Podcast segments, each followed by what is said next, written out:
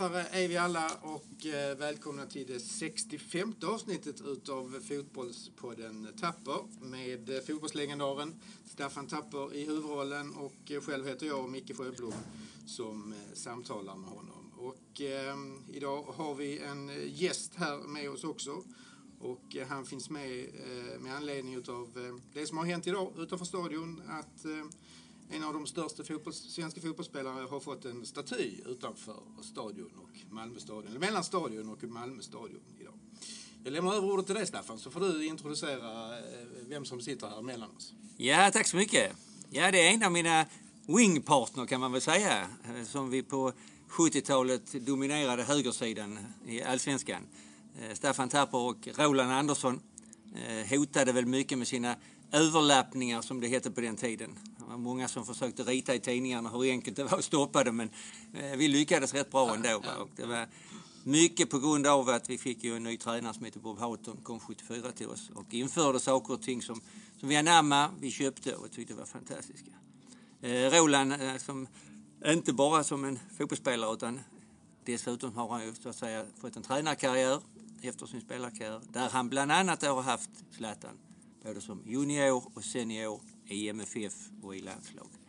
Och därför är det roligt att höra Roland kommentera och berätta lite grann hur man ser på den här fantastiska utvecklingen. En fantastisk fotbollsspelare. Eh, när träffade du han första gången Roland? Eh, det var som sagt eh, 1999. Och eh, det var egentligen att jag hade hört talas om då att Thomas Sjöberg och jag att, att det fanns en speci- väldigt speciellt bra fotbollsspelare i juniorlaget. Och vi, eh, vi var ju ofta och tittade på juniorlaget. Det, det hörde ju till liksom i Malmö att man ska gå och titta och se vad som finns bakom. Och första gången vi var och tittade på honom så tänkte jag, va, alltså stämmer eh, verkligen detta det han gör här på planen? Kan, kan det verkligen vara så här? Va? Så att han överraskade oss väldigt mycket. Och så tänkte jag, vi får nog se honom någon gång till om det här var en engångsföreteelse eller inte. Va? Men nästa gång vi såg honom veckan efter så var det samma grejer som, eh, som han gjorde och utförde som gjorde att eh, ja, jag blev oerhört imponerad av honom. Men vad, kommer du ihåg, vad, vad, vad var det för typ av grejer som Nej men alltså det, det, jag, huvudet liksom? ja, det jag frapperades mest av det var ju de, dels eh, hans långa ståtliga gestalt ute på planen. Va? Det var Fysiken, o- o- liksom. fysiken Ja. redan på den tiden, va? även om den var långt ifrån vad den blev så småningom. Va? Men, men just det här att han eh, alltså var så stor och, och ändå har så fantastisk koordination både med boll och eh, rörelser och sånt där som tänkte att det, detta är något alldeles speciellt. Men, men det blev ju som sagt att eh, alltså, vi måste se honom fler gånger här så att det inte bara är liksom en, en dagslända. Men varje gång vi tittar på juniorlaget, vilket blev åtskilliga gånger på grund av Zlatan. Och han hade en kompis i laget också som hette Tony Flygare som också var väldigt eh, lovande. Så att eh, det var de första gångerna med, med juniorlagsmatch 1999. Han får ju en väldigt eh, snabb karriär kan man säga också. Va? Jag menar han är ju inte så länge i Malmö FF utan storklubbarna får, får nyss om honom väldigt snabbt. Och första klubban han går i är Ajax. Eh, jag tror han flyttar 2001, det är det tror jag han flyttar till. På sommaren till Ajax. Sen är du imponerad också när vi tittar på vilka klubbar han har varit i. Alltså Ajax, Juventus, Inter, Barcelona, Milan, PSG, United och nu i, i LA Galaxy. Det, det, är liksom inga B-lag eller B-klubbar han har ju varit i fronten i den världsfotbollen här i 20 år nästan. Vilket är enormt fantastiskt egentligen. Eh, du såg han ju sen i landslaget eh, i många gånger. Hur- såg du på hans utveckling från att han blev proffs i de här storklubbarna till han kom hem i landslaget? Ja, alltså vi tittade väldigt mycket på honom. Va? Och, eh, alltså utvecklingen den var ju stigande hela tiden. Det, det, som, eh, det som man egentligen skulle titta på mycket som tränare var ju liksom att hur, hur man hur, man skulle liksom kunna använda hela hans ta, individuella talang och passa in i, i ett lag och ett spelsätt. Så det, var ju, det är ju den eh, utmaning som alla tränare har, har haft med Zlatan. Hur, hur ska vi få laget att laget att anpassa sig till- Zlatan och Zlatan anpassa sig till laget. För att, och det är som, som Staffan sa, alla- de här fantastiska klubbarna han representerat så har han ju direkt på något sätt tagit eh, kommandot när han har kommit till klubbarna. Det är liksom inte som någon någon blyg, blyg pojke och blyg nyförvärv som har tassat in utan han har ju direkt gått in och markerat här är jag och jag kan detta och med stort självförtroende så har han skaffat sig en position väldigt, väldigt tidigt vilket är väldigt ovanligt i sådana här klubbar som man har, som man har eh, varit i. Va? Så att eh, ja, hela personligheten och, och fotbollsspelaren är ju, är ju fantastisk tycker jag. Mm, mm. Han har ju varit otroligt konsekvent också kan man tycka i, i sitt beteende. Liksom, fotbollen har varit stor för honom. 100% koncentration. Skolan la han lite åt sidan. Men ändå under sin fotbollskarriär har han utvecklats som människa hela tiden. Han fick ett förhållande med Helena, och två barn. Väldigt noga med att hålla isär de här bitarna. Vi ser ju aldrig ett hemma hos-reportage med familjen, utan det är fotbollen. Sen kan han göra saker och ting på plan som kanske inte är så trevliga och bra, va? men han har aldrig liksom gjort det utanför plan på det viset. Och det känns som att det har blivit bara starkare och starkare, den personligheten. Han har haft en utveckling utanför plan nu tycker jag som har varit fantastisk egentligen. Lite grann eh, när man jämför, vi har ju personligheter i vår förening, vi får inte glömma. Jag och Roland vi är uppvuxna 60-70-talet med Bosse Larsson och eh, nästa generation och nästa igen har då fått Zlatan Ibrahimovic. Att två sådana fantastiska fotbollsspelare från samma stad.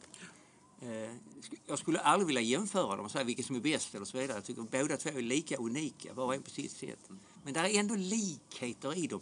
Jag menar det här liksom att när de är på plan så är de lite outstanding. De tar för sig. De, alltså när de, de älskar matchen.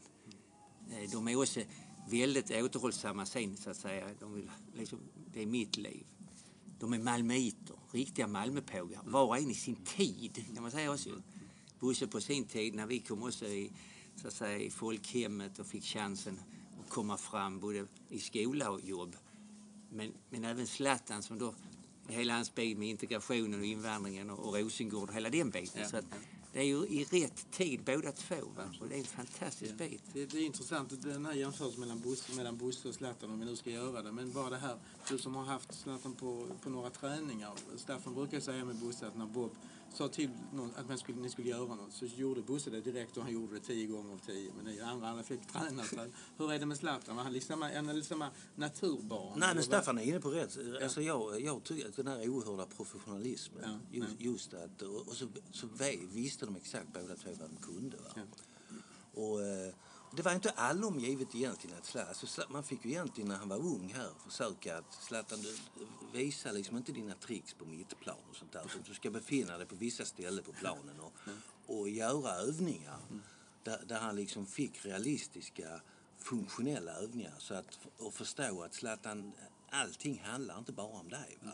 Utan vi, gör, vi ska utnyttja dig för lagets bästa. Och det, det fick vi ju jobba en hel del med. Men alltså väldigt snabbt tog jag det till sig. För många av de här övningarna är ju ganska enformiga, lite tråkiga. Bollen dit och bollen dit och så ska du springa dit och dit för att det ska bli så bra som möjligt för laget. Va?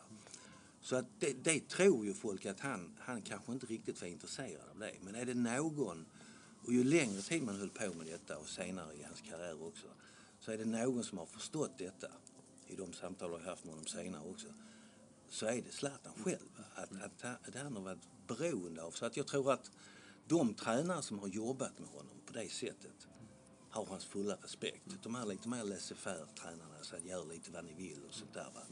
Det, det, och det tror man kanske inte. Va? Men Zlatan är oerhört eh, in, inriktad på det här att det ska vara funktionellt och det ska man ha nytta av på, på matchen, det vi gör på träningarna. Va?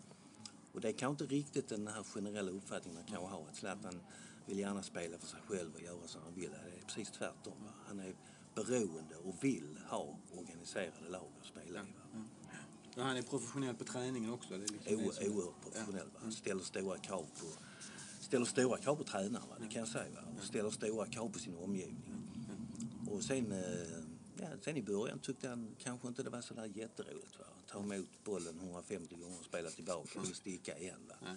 Men ef- efterhand så förstod han att, att det, detta gör ju för att jag ska bli bättre och ska liksom bli effektivare. Ja. ja. Sen har han ju en förmåga, Roland var inne på det i början, liksom, storleken på honom. Det är ju en stor spelare, alltså, både fysiskt i kilo och längd. Och, han har väl 48 i skonummer men ändå kan hantera den kroppen på det sättet han gör.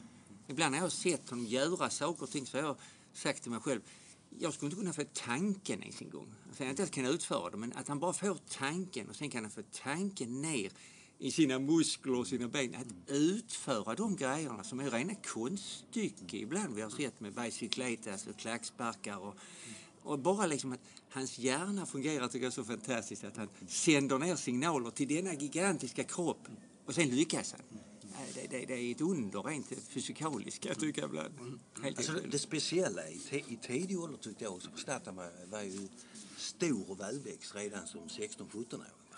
Sen har han ju fått en betydligt mer utvecklad kropp så småningom. Men, men den, den typen av spelare eh, alltså, kunde vara väldigt bra som forwards med, med, med ryggen mot motståndaren. Att ta emot bollar och sådär. Men, men även Zlatan var ju stor på den tiden men var även fantastiskt duktig rättvänd.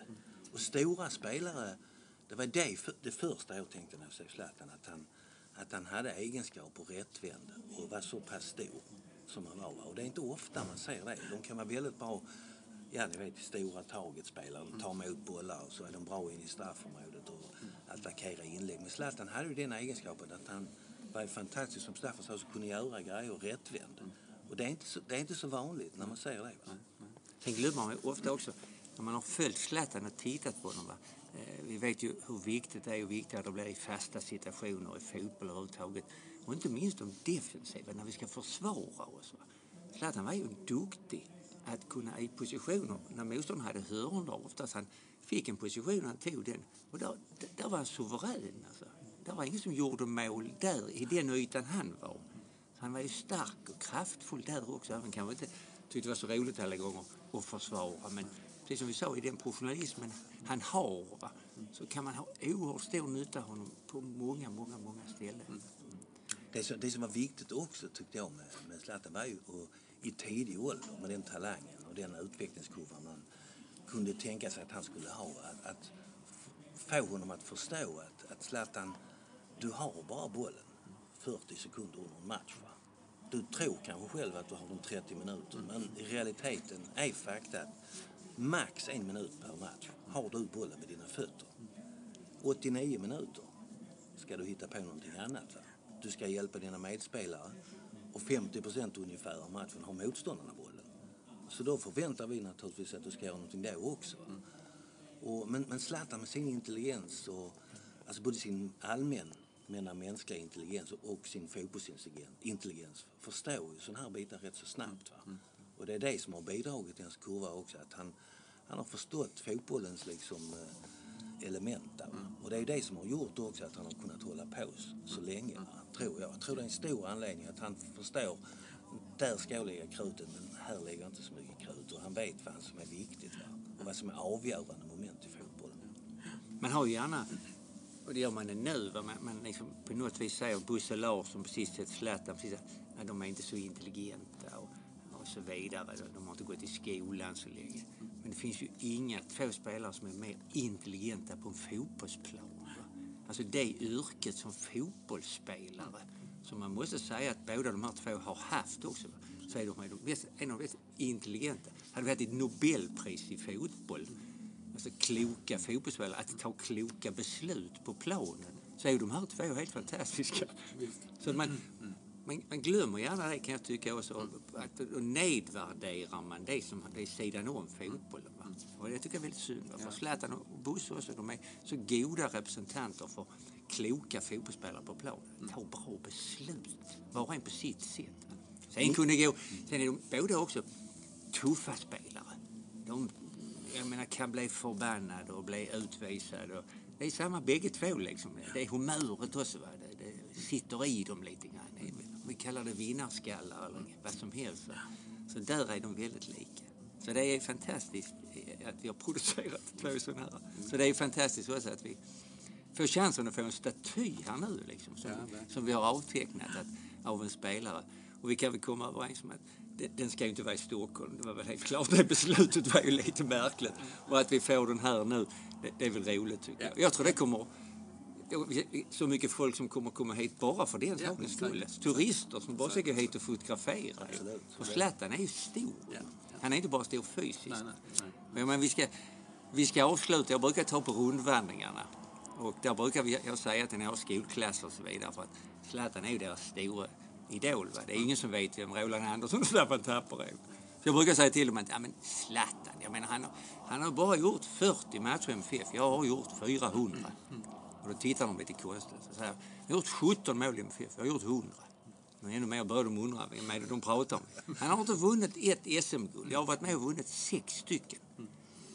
Då tittar de runt omkring. Och till slut brukar jag säga, han har inte varit med i en enda Champions League-final. Jag har varit med på en. Och så frågar de, vem är då bäst? Och då skriker de allihopa, Zlatan!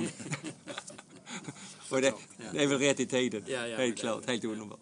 Men det är, jag måste säga, det, är lite intressant det här med, med när man pratar om intelligens va, och fotbollsintelligens. Så, men för mig, för mig är ju intelligens är ju liksom egentligen att, att man är streetwise.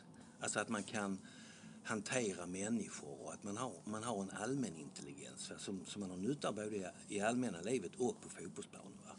Och jätteduktiga fotbollsspelare är även allmänintelligenta. Va. Man, man räknar ut saker tidigt va, och, och, och sådana här bitar. Så att intelligens är inte bara att man, det är inte alls egentligen att man läser böcker. Utan det är ju den erfarenhet och det, det man bringar under sin uppväxt tillsammans med andra människor i olika miljöer. Och, och så drar man ut nytta och, och, och saker och ting ur detta. Och det, för mig det är intelligens. Och ju äldre jag blir, ju mer förstår jag att det är på det sättet. Va? Och där jag, jag, det har jag uttryckt Zlatan själv, just de här, den här intelligens, han är en oerhört intelligent människa. Både på plan och utanför plan. För anna- annars klarar man sig inte och man får inte en sån fantastisk karriär som han har haft. Och han har ju utvecklat den också, känns det som. Allting liksom. Det har inte stått stilla på honom heller. Både på och utanför plan. Det är, det är en utväxling.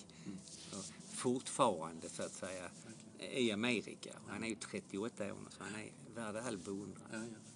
Är det, någon, är det någon liten sån här, eh, kan du öppna dörren till omklädningsrummet och ge någon liten anekdot där inifrån? Eller hur är han i omklädningsrummet? Och, eh, Ja, sådär. ja det kan vi göra. Jag menar de, de gånger med landslag sånt. Det är ju, det är ju, ingen, det är ju en oerhört fokuserad kille. Va? Alltså, han går in i, i bubblan ordentligt. Okej. In, innan en landskamp till exempel. Man, man går och ger de sista instruktionerna och sådär. Va? Men Zlat- Zlatan är ju oerhört fokuserad. Och eh, sitter ner och är oerhört koncentrerad på Han i kommande sig uppgift. själv, för sig Absolut, absolut. okej. Sen har man ju då jobbat med hur man ska spela Mm. tidigare och liksom klart sätter sig in i detta och sen Sen sitter han och är helt koncentrerad. va. Det är ingen som går runt och stökar och stimmar i omklädningsrummet. Utan då är han koncentrerad och vet och han är ju ett superproffs på det sättet. Va. Både förberedelsemässigt, sättet han lever på, förbereder sig på matcher och under matcher. Och det, det, jag tycker det är viktigt att det kommer fram. Va. För man, man spelar inte på elitnivå från 17 år till man är 38. På absolut högsta nivå som Staffan säger, de klubbarna han representerat. Utan att vara ett superproffs på och utanför planen. Så att det är en fantastisk förebild. Vad, eh, nu, vad, vad gör Roland Andersson idag? Eller hur, eh, hur eh, aktiv är du? Ja, han är en gammal Det är pensionär. så, ja. ja. Inga uppdrag? Nej, inga större fotbollsuppdrag nu. Nej, Nej, jag var ju med Island i vad blev det, sju år. Ja. Så att, eh, sen tog det slut efter, eh, efter VM i, i Ryssland. Ja. Så dyker det upp lite förfrågningar med så det kan faktiskt hända att jag åker iväg nu till... Okej. Men nu är det så mycket kritik i friidrotts-VM till Qatar så då får man väl stryk eh, då igen. Va? Men nej, det är, det är en klubb där Heimir Hallgrímsson som eh, förbundskapten för Island Ja. är ja, till viss del med min hjälp nere i Qatar i en klubb som heter Al Arabi Okej. Club och så tycker han att vi ska återförenas där. Så det är mycket möjligt att det kan bli så Ja, ganska spännande. snart. Spännande. Eller, ja, väldigt snart. Men gott, ska vi, vi stänger där. Tack Vi stänger där. hemskt Tackar för mycket, det. Roland, Tack så för mycket, att Roland. Jättetrevligt. och Staffan, mycket- Trevligt Micke och Ja. Staffan. Ja, tack ska du ha. mycket. Tack. Hej. Hej, hej. Hej. vi alla Vi segrar skall men inte falla orden bör vi sent och nätt är grå. Vi stod som en för klubben alla